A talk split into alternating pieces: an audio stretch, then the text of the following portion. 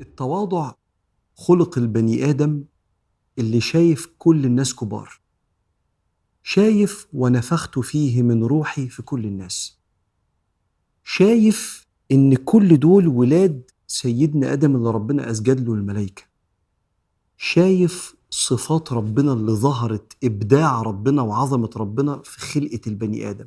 بل أقول لك في خلقة الحيوان والجماد فبيتعامل مع الكل باحترام شايف كل حاجة كبيرة وشايف نفسه واحد من الناس لا يرى لنفسه ميزة يتعالى بها عندنا مميزات طبعا ربنا أكرمنا بيها زي ما موزع الفلوس موزع الصفات والقدرات والمهارات.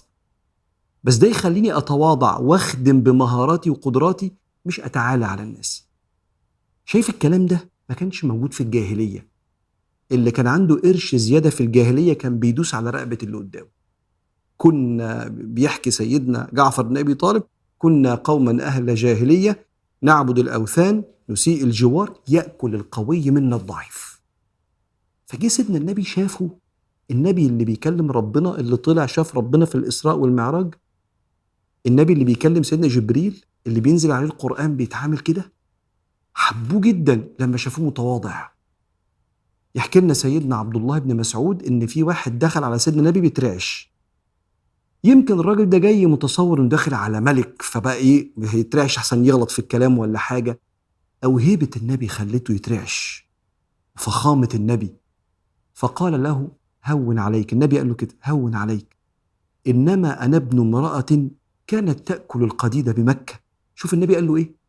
مش هون عليك. إحنا أصحاب واخوات ده أنا أمي كانت بتاكل لحمة رخيصة جدا في مكة. القديد بيقولوا اللحمة اللي بتحط فيها ملح عشان تحفظها تشبه البسطرمة لحمة بسيطة قوي يعني. فإحنا كنا ناس بسطة يعني. فما فيش حاجة مش مستاهل تعمل في نفسك كده. شفت قالها له إزاي؟ سيدنا جعفر ابن أبي طالب عم النبي عنده عبد الله بن جعفر ابنه طفل صغير. بيحكي لما كبر المرة النبي راجع من سفر غزوة. أنت عارف النبي العظماء عموما بيبقى الحصان بتاعه مختلف والجمل بتاعه مختلف شكل السرج بتاعه والحتة اللي قاعد عليها المتاع بتاع الحصان حسب قيمة وفخامة الملك. النبي مش كده خالص النبي أخد وراه في السيرة 45 واحد. مش ركبهم 45 واحد يعني 45 واحد يحكي إن مرة النبي كان ماشي راكب على الحصان بتاعه لاني ماشي قال يركب ابن عباس وفلان وفلان. 45 واحد. منه عبد الله بن جعفر. والنبي راجع وداخل المدينة كده فجريت عليه. فخدني حطني قدامه. حملني بين يديه. ثم جاء الحسين ابن فاطمة يجري على النبي جده عشان يسلم عليه. فأردفه. ام حطه وراه. ودخلنا نحن الثلاثة المدينة على البعير. دخلنا كده إحنا الثلاثه النبي في النص وأنا قدامه والحسين وراه. اتكلم عن تواضع النبي عليه الصلاة والسلام.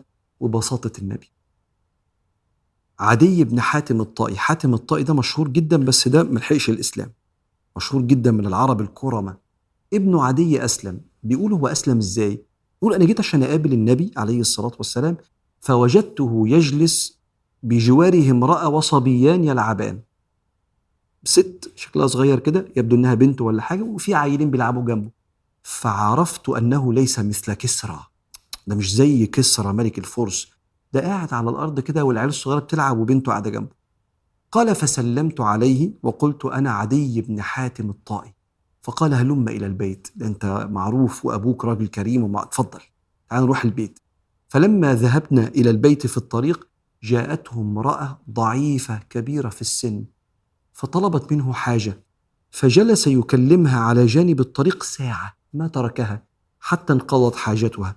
فقلت والله ما هذا بملك. ست غلبانة تقول له بس حضرتك كنت عايزة يقف ساعة يكلمها؟ ده مش شغل ملوك خالص.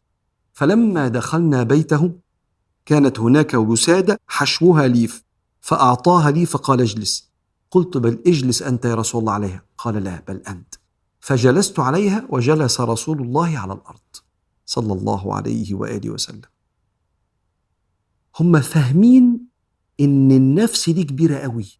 اللي يكبرك ويديك قيمتك معناه إنه واثق في نفسه. لأن التواضع ما بيخرجش من اللي حاسس بالنقص.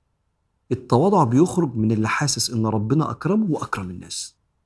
فمقدر نفسه عشان ربنا خلقه واداله المميزات بس مقدر الناس قوي. فهم عرفوه متواضع فأحبوه. وهحكي لك قصة بس خدناها من كتب الفقه. والعلماء بيحكوها في كتب الفقه خدنا منها معنى تواضع رهيب لسيدنا النبي. إن ستنا أم قيس بنت محصن الأسدية جابت لسيدنا النبي ابنها الرضيع فأجلسه في حجره فبال الصبي فدعا النبي صلى الله عليه وسلم بماء فنضحه على البول بتاع الطفل الرضيع ولم يغسله. غير الأحكام الفقهية اللي اتخذت خدت بالك؟ جايبة له ابنها فعمل تواليت بال في حجر النبي عليه الصلاة والسلام.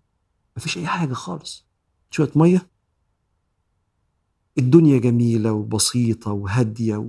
وكانوا بيخافوا على زعله مش بيخافوا من بطشه لأنه كان متواضع. شافوا مستوى من العظمة مع البساطة ما تشافش قبل كده. فعرفوه متواضعا فأحبوه.